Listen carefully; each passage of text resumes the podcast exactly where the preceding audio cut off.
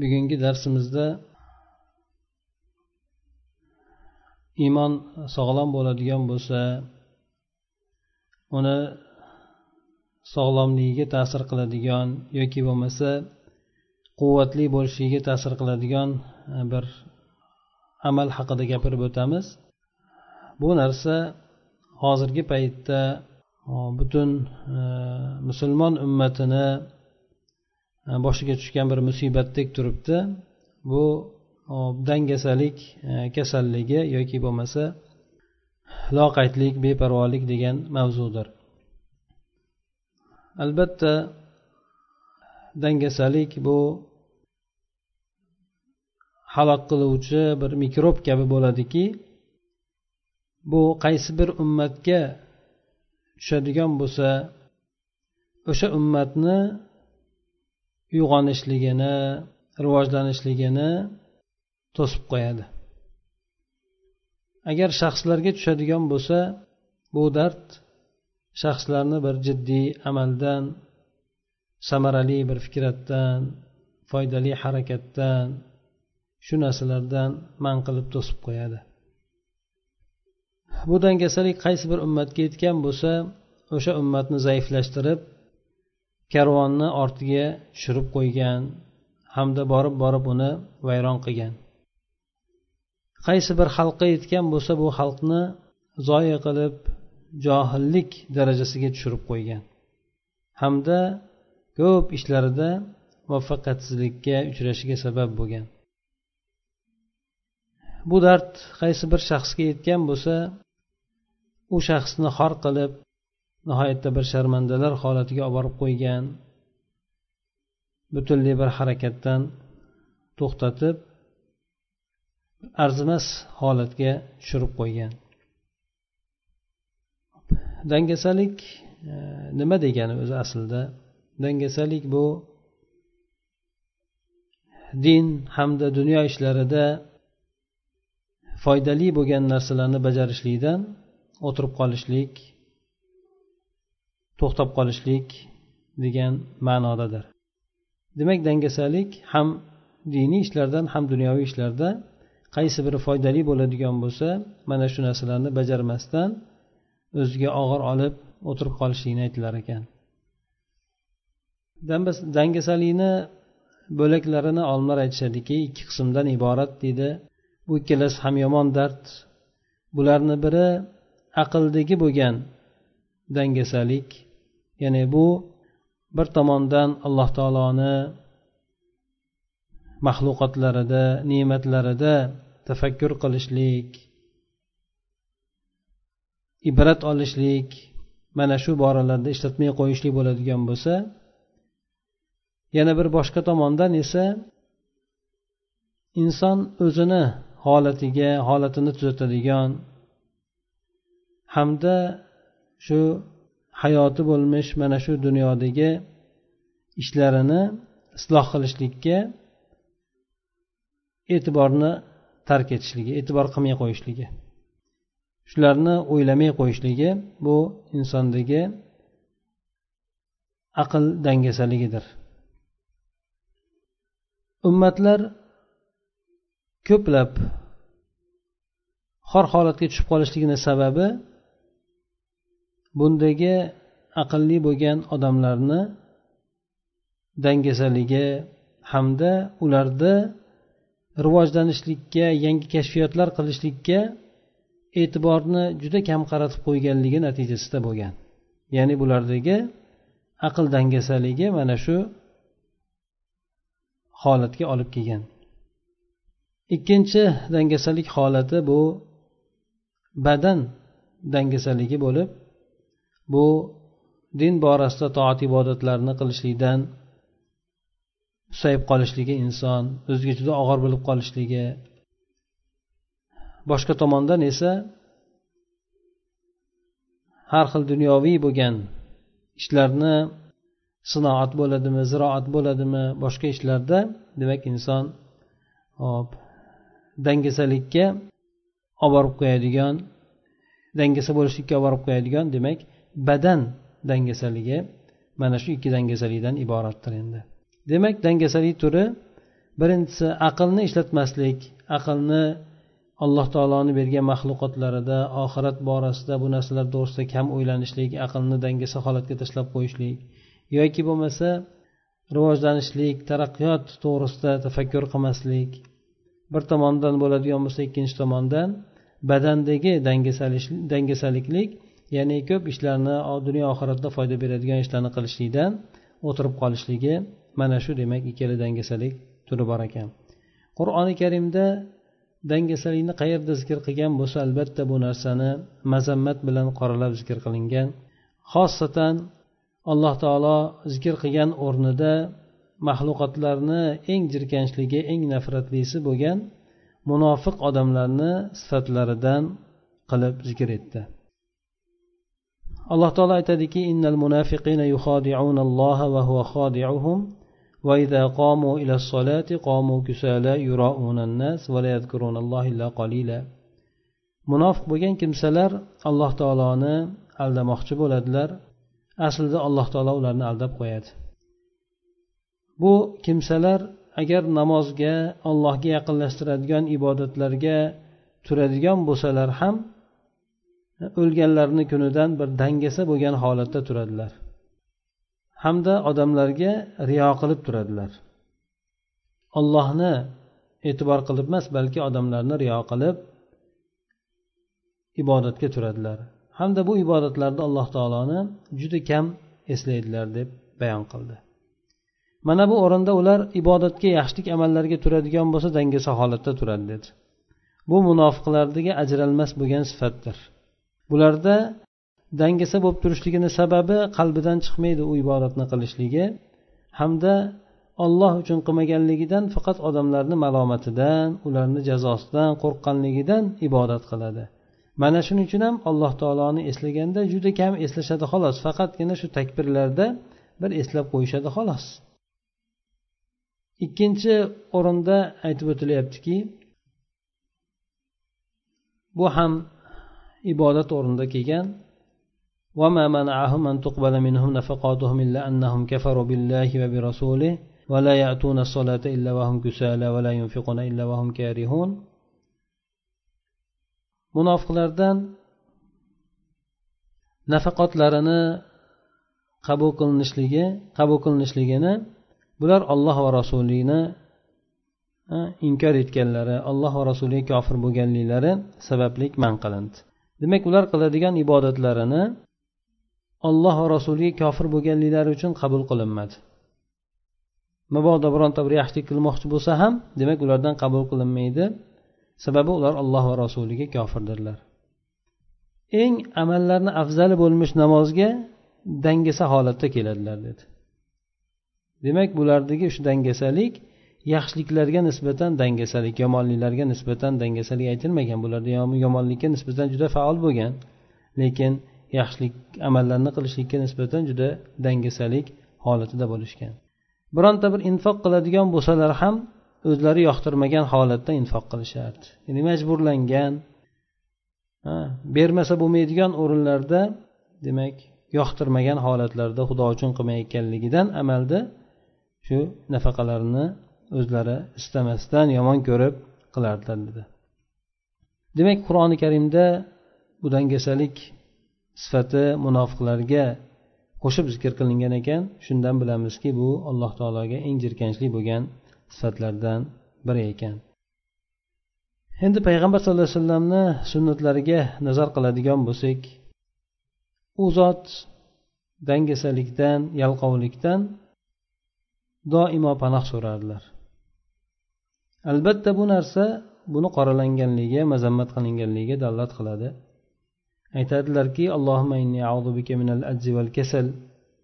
Parvardigori olam men sendan ojizlikdan quvvatsizlikdan hamda dangasa bo'lib qolishlikdan panoh so'rayman deb aytadilar.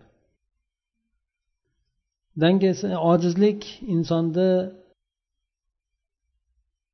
qilishga ishtiyoqi boru quvvati yo'q holatini aytilsa dangasalik insonni quvvati boru qilishlikka ishtiyoqi bo'lgan holatini aytiladi.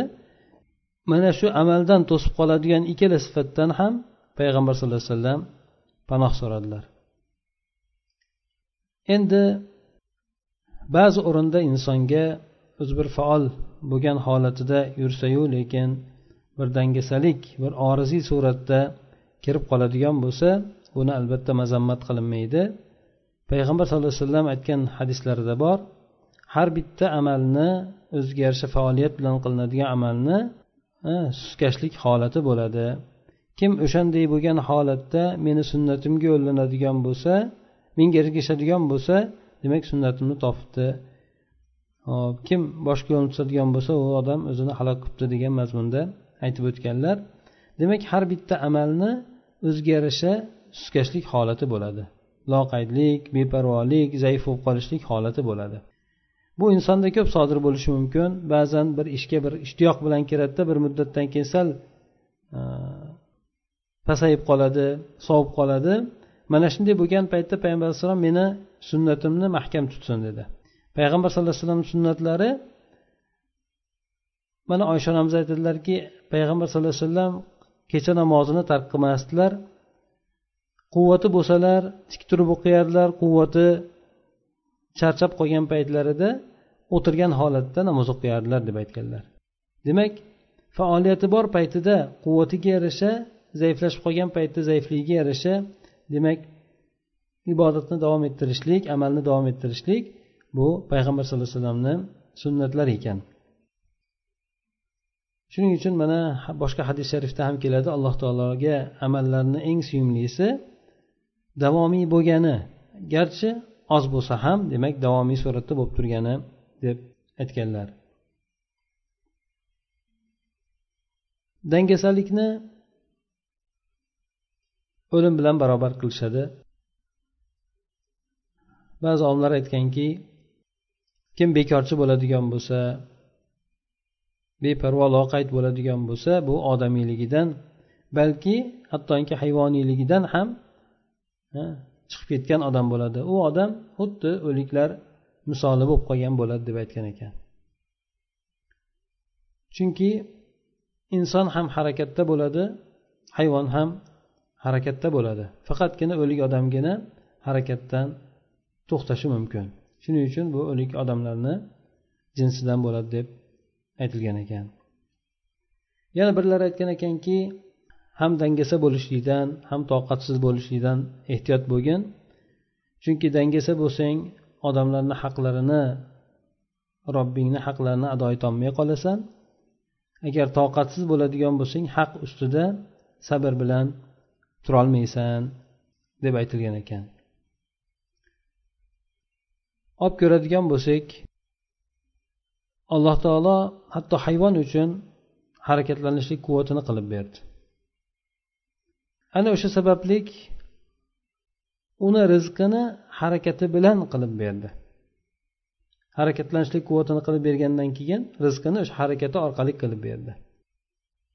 Mana oysha onamizni olib ko'radigan bo'lsak maryam onamizni olib ko'radigan bo'lsak alloh taolo u kishiga xitob qilib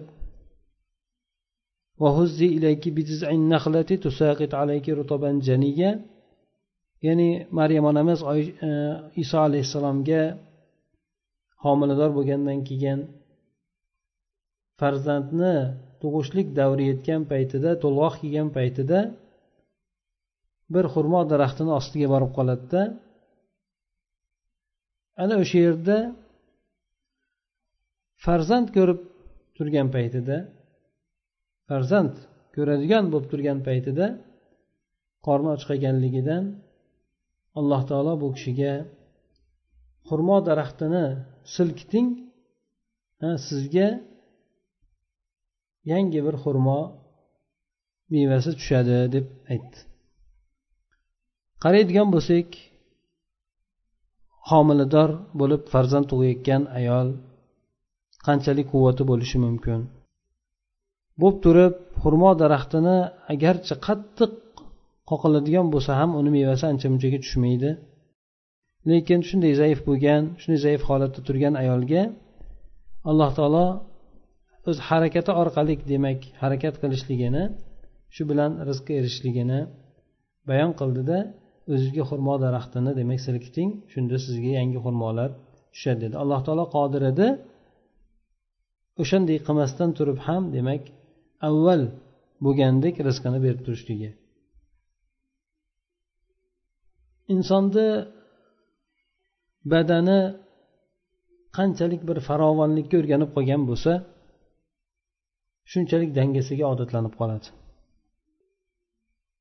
Badani dangasa bo'lib qolganidek insonni nafsi ham tafakkur qilishlikni alloh taoloni maxluqotlari ne'matlariga nazar qilishlikni tark etadigan bo'lsa bu aqli bu tafakkuri sovib qoladi. Hamda juda bir johil bo'lib omodamni holatga tushib qoladi. Hattoki undan ham ko'ra pastroq bo'lgan hayvonlarni darajasigacha tushib qoladi. Inson demak badanni qanchalik ishga yaxshilik ko'rgatar ekan? Fikrini zehnini ham xuddi shuningdek yaxshilik amallariga yaxshilik tafakkurlariga o'rgatishligi lozim bo'ladi. Aks holda insonni demak aqli ham o'tmaslanib bir johil zaif bo'lgan odam holatiga tushib qoladi. Endi dangasalikni olib ko'radigan bo'lsak dangasalikni yuqorida aytib o'tdik qoralangan qur'ondayu hadisda mazammat qilingan olimlarni so'zlarida ham mazammat qilingan narsa ekanligini bayon qildik. Bu dangasalikka yalqovlikka nima narsalar sabab bo'ladi? Qayerdan kelib chiqadi bu dangasalik? Buni qur'on hadisni qaraydigan bo'lsak avvalo qur'oni karimda aytib o'tdik yuqorida dangasalik munofiqlarni ajralmas sifati bo'ladi dedik. Bular diniy vazifalarni farz amallarini bajarishlikdan dangasa bo'lib yalqovlanib qolishadi. Chunki munofiq odamni o'sha ibodatni ado etishlikda bir yaxshi niyati bo'lmaydi.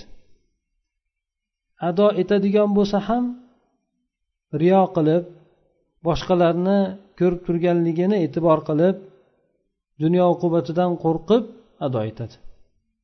Shuning uchun agar ozginagina bir odamlarni e'tiborsiz qolgan holatini sezadigan bo'lsa odamlar qaramay turganligini e'tibor qilmay turganligini sezadigan bo'lsa darhol o'sha diniy amallaridan yalqovlik qilib ado etmay qo'yadi.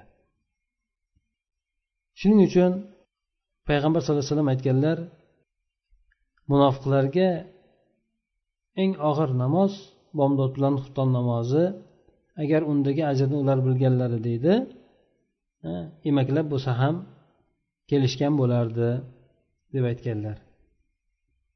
Demak bular bomdod bilan xufton namoziga bormasligini sababi odamlar ko'rmaydi shuning uchun qolishardi. Borishlik juda og'ir kelardi bularga. Odamlar ko'rmaganligi hamda dunyo oqibatidan xoli bo'lganligi uchun. Dangasalikni keltirib chiqaradigan ikkinchi sabab inson rohat farog'atni yaxshi ko'rishligi. Albatta rohatni farog'atni yaxshi ko'rishlik bu dangasalikni keltirib chiqaradi insondan. Yuqorida mana payg'ambar sallallohu alayhi vasallam ko'p aytganligini aytib o'tdik. Duo qilib so'radilarki allohimma inni a'udhu bika minal hammi val hazan val ajzi val kasal. Allohim men dangasalikdan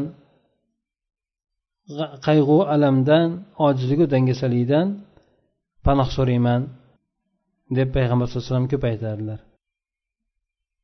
imom muslimni hadislarida keladiki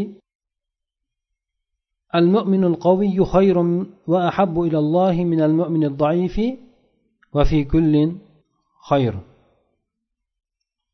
kuchlik mo'min odam alloh taologa zaif bo'lgan amalsiz bo'lgan zaif bo'lgan mo'min odamdan ko'ra yaxshiroq hamda allohga suyumliroqdir lekin ikkalasida ham yaxshilik bor. Mo'min odam kuchli bo'lsin zaif bo'lsin baribir iymonli bo'lganligi uchun yaxshiligi bo'ladi. Lekin taqqoslaganda alloh taologa bir faoliyatdagi bo'lgan harakatchan bo'lgan din dunyo ishlarida harakatchan bo'lgan musulmon odam alloh taologa suyumliroq bo'ladi deb bayon qildilar. Hamda undan keyin yo'llab qo'ydilarki foydali bo'lgan narsalarga haris bo'ling. Hamda o'sha borada allohdan yordam so'rang. Faqat o'zizni quvvatingizga suyanib qolmang allohdan yordam so'rang. Allohni madadini so'rang. Hamda ojizlik qilib amallarni qilmaslik qilishlikdan o'tirib qolmang deb payg'ambar alayhi vasallam aytdi ya'ni dangasalik qilmang dedi. Demak rohat farog'atni yaxshi ko'rishlik bu ham insonni dangasaligiga yalqov bo'lishligiga sabab bo'lar ekan. Undan keyin yana bir sababi dangasalikka olib boruvchi sabab bekorchilik. O'zi aslida bekorchilik katta bir ne'mat. Inson agar ana o'shandan foydalanishlikka harakat qilib foydalanib qoladigan bo'lsa juda katta ne'matdir. Ho bu dunyo ishlaridan bo'lsin oxirat ishlaridan bo'lsin. Agar bu bo'shligi bekorchiligi yalqovlikka sabab bo'ladigan bo'lsa unda allohni ne'mati emas balki bir jazosi azobi suratda bo'ladi. Ibn masud roziyallohu anhu aytgan ekanlarki men odamni bekorchi holatda ko'radigan bo'lsam juda qattiq g'azab qilaman ya'ni na bir dunyo ishida na bir oxirat ishidan hech bir foydali narsada bo'lmasdan bekorchi bo'ladigan odam bo'lsa nihoyatda uni men yomon ko'raman dedi. Hamda yana boshqa davom ettirib aytdilarki oxirgi zamonda zamon oxirlarida shunday bir odamlar yuzaga keladiki odamlar yashaydiki bularni amallarini eng yaxshisi o'zaro bir birini malomat qilishlik bo'ladi. Amallarni eng yaxshilari eng yaxshisi bir birini qoralashlik bo'ladi. Yomonlari bir birini o'ldirishlik bir birini tuhmat bo'xton qilishlik shunaqa bo'ladi endi. Demak amallarni eng afzali o'zaro bir birlarini qoralab malomatlashlik bo'ladi. Ya'ni odamlar amaldan ko'ra ko'proq shunaqa bir birini amal qilayotgan odamlarni qoralashlikka bir birini ayblashlikka o'tib ketadi.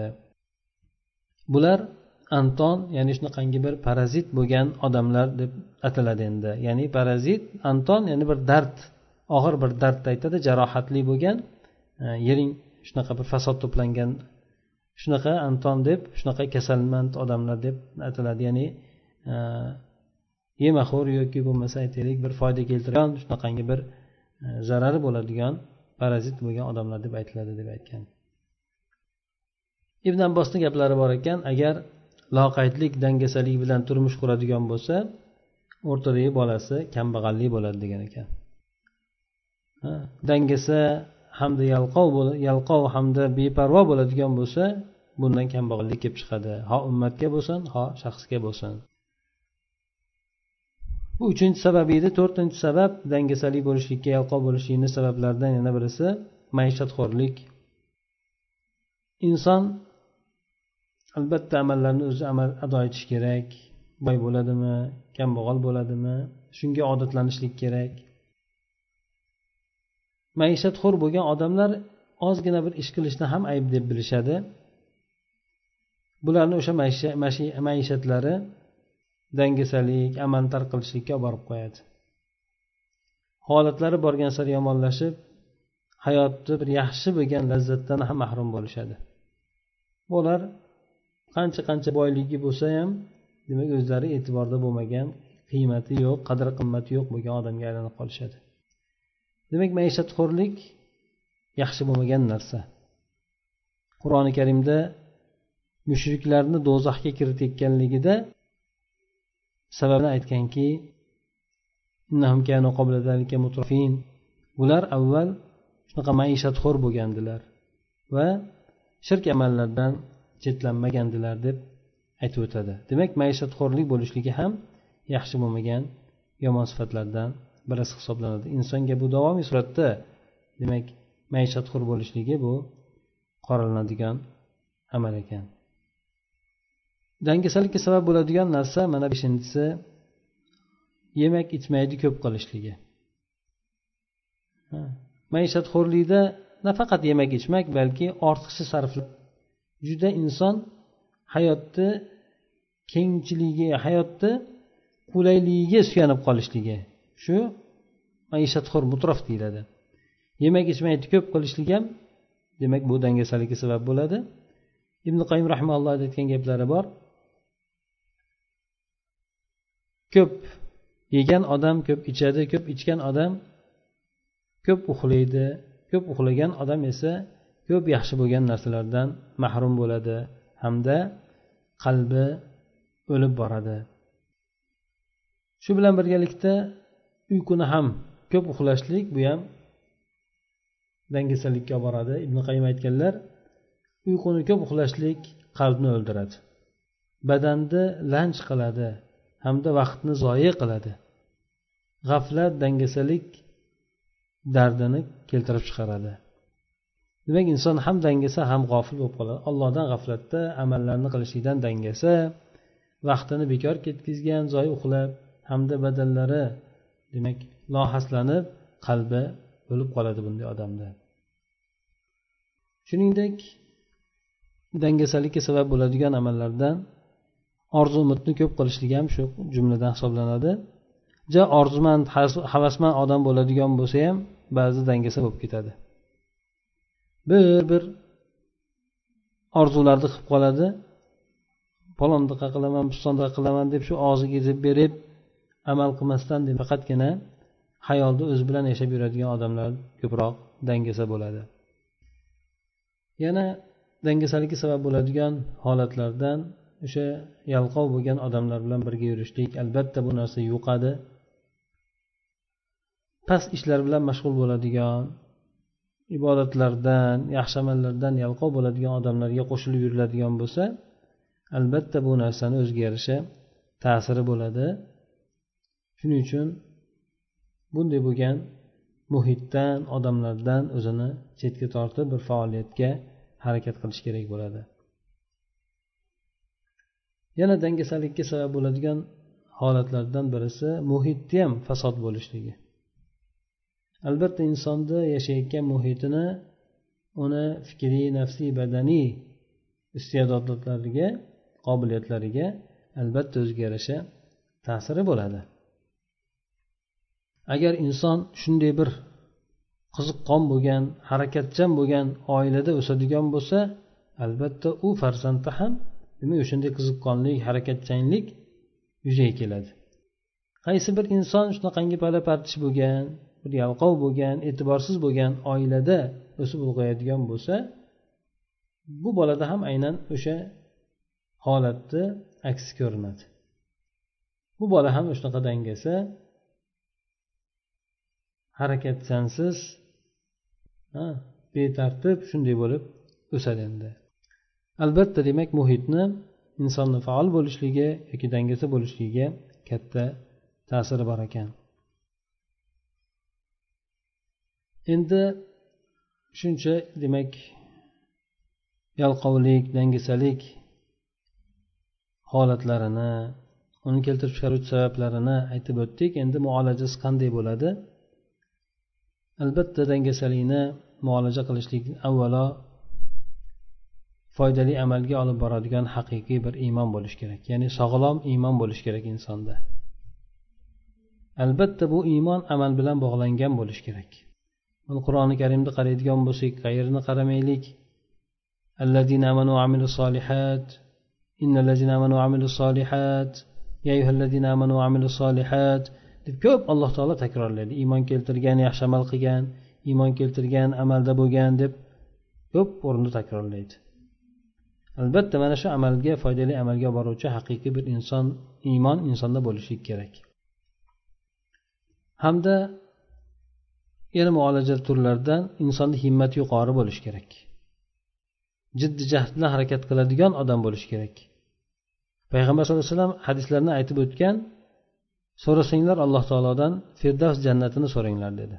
Ya'ni firdavs jannati jannatni eng markazi eng yuqorisi eng oliy darajadagisi dedi. Alloh taolo unday bo'lgan narsalarni hammasini qo'li bilan ekkan qo'li bilan yetishtirgan. Shuning uchun himmatinglarni oliy qilinglar dedi. Demak himmati oliy qilgan odam harakatini o'shanga yarasha qilishlik kerak bo'ladi. Jiddiy jahd bilan jiddiylik bilan harakat qilishlik. Aqlli bo'lgan odam o'zi biladi bekordan bekor yaralmaganligini shu dunyoga. Dunyo xuddi inson kelib bir ishini qilib ketadigan yotib dam oladigan joy emas balki amal hovlisi ekanligini anglab yetadi shunga yarasha amalni qiladi. Yana muolaja yo'llaridan amal qilgan odamlarni oqibatini go'zal bo'lganligi bekorchi yalqov bo'lgan odamlarni oqibati esa noxush bo'lganligiga nazar qilib ibrat olishlik. Qancha qancha odamlar shahid bo'lib ketyapti albatta bular o'ziga yarasha g'ayratli bo'lganligidan yalqov bo'lganligidan emas. Qancha qancha demak odamlar da'vatda yuribdi qancha qancha odamlar olloh uchun musulmonlar uchun qancha qancha ishlarni qilishyapti. Mana bularni hammasi demak faoliyat egalari ekanligi hamda oqibat o'shalarni ekanligini anglatadi. Yalqov bo'lgan odamlarni oqibatini ko'ryapmiz. Bular o'zi uchun yashayotgan odamlar bo'ladi. Bularni nomi o'lishi bilan yo'qolib ketadi. Na o'zlaridan keyin na bir yaxshi nom qoldiradi. Yalqov dangasa bo'lgandan keyin odamlar uni eslab ham qo'ymaydi. Demak amal qiluvchi bo'lgan odamlarni oqibatini go'zal bo'lishligi. Aslida bizni dinimiz amal dini. Islom demak taslim qilishlik bo'ysunishlik dini bu amal dini hisoblanadi. Undan keyin demak yana yalqovlikni davolash uslublaridan inson vaqtini behuda qo'ymasligi. Albatta bir foydali bo'lgan ish bilan mashg'ul bo'lishligi. Ho o'zini oilasini farzandlarini bo'lsin ko'proq bir foydali bo'lgan. Hatto o'ynasa ham foydaliroq bo'lgan o'yin bilan mashg'ul qilishlikka harakat qilishlik. Toinki bularda yalqovlik yuzaga kelib chiqmasin. Albatta insonga beriladigan bo'sh vaqt bekorlik bu ne'mat hisoblanadi. Bundan qulay fursatda foydalanib qolish kerak. Aks holda alloh taolo insonni ish bilan qo'lini to'ldirib qo'yadi hatto boshini qashigani ham vaqt topolmay qoladi. Yana muolaja qilish yo'llaridan juda ortiq darajada maishatxo'rlikka berilmaslik lazzatlarni talab qilib ketib qolmaslik. Chunki bu narsa insonni qorin to'qligi ko'proq dangasalikka olib keladi. O'zimizda ham aytadiku qorin to'ydi g'am ketdi deyishadi. Ha demak ya'ni qorni silab o'tirishadi. Ko'p yeyishlik demak insonni dangasa bo'lib qolishligiga ham fikriy ham jasadiy tomondan dangasa bo'lishligiga sabab bo'ladi. Yana muolaja qilish yo'llaridan inson o'zini hayoti mobaynida amalga oshirishligini mumkin bo'ladigan bir rejalarni qo'yishligi oliy bo'lgan rejalarni tuzib qo'yishligi. Demak bu rejalar albatta yaqin uzoq rejalardan iborat. Uzoq bo'lgan rejalar ya'ni musulmonlarni adolatli bir hukm ostida birlashtirishlik bo'ladigan bo'lsa yaqin bo'lgan maqsadlar dini uchun shu kunlardagi dini uchun harakat qilib qolishligi oxirat uchun intilib qolishligi mana shu narsalardan demak iboratdir. Yana muolaja yo'llaridan albatta yemak ichmak uyqularda inson mo'tadil bo'lishlik kerak ko'p uxlamasligi ko'p yeb ichmasligi kerak. Bu narsalar insonni aqlini xotirasini zaiflashtiradigan zaiflashtiradigan narsalardan hisoblanadi. Inson keyin odamlarga aralashishlikda ham o'rtachalikni mo'tadillikni lozim tutish kerak. Yalqov bo'lgan odamlar bilan emas balki jiddi jahd bilan amal qilayotgan ish usti bo'lgan odamlar bilan demak hamroh bo'lishligi albatta shu narsa insonni hayotiga katta ta'sir ko'rsatadi. Yana ortiqcha orzu havaslarga berilmaslik chunki insonni bu havasmand qilib qo'yadi hayolparast qilib qo'yadi. Olimlar demak aytishgan ilm jasad rohati bilan erishilmaydi. Xuddi shuningdek jannat ham dangasalik yalqovlik bilan erishilmaydi farqat degan bir o'tmishdagi odamlardan birisi aytgan ekan sizlar amal qilishdan oldin bekorchilik kiyimini kiyib oldinglar. Ishlashdan oldin demak yangi kiyimlarni kiyib oldinglar ish kiyimini kiymadinglar yangi kiyimni kiyib yuribsizlar. Ko'rmaganmisizlar ishlaydigan odam agar ishlaydigan bo'lsa qanday bir o'zini demak ish kiyimlarini kiyib olishligini pastroq bo'lgan arzonroq bo'lgan ish kiyimlarini kiyib olishligini. Ishdan bo'shagan paytda yuvinib turib yangi foydali toza bo'lgan demak kiyimlarni kiyib oladi. Sizlar esa amal qilishdan oldin bir yo'li bekarchi toza kiyiminglarni demak kiyib olgansizlar deb aytgan ekan. Nima sizlar amalga kirmagansizlar balki yalqov bo'lib turibsizlar.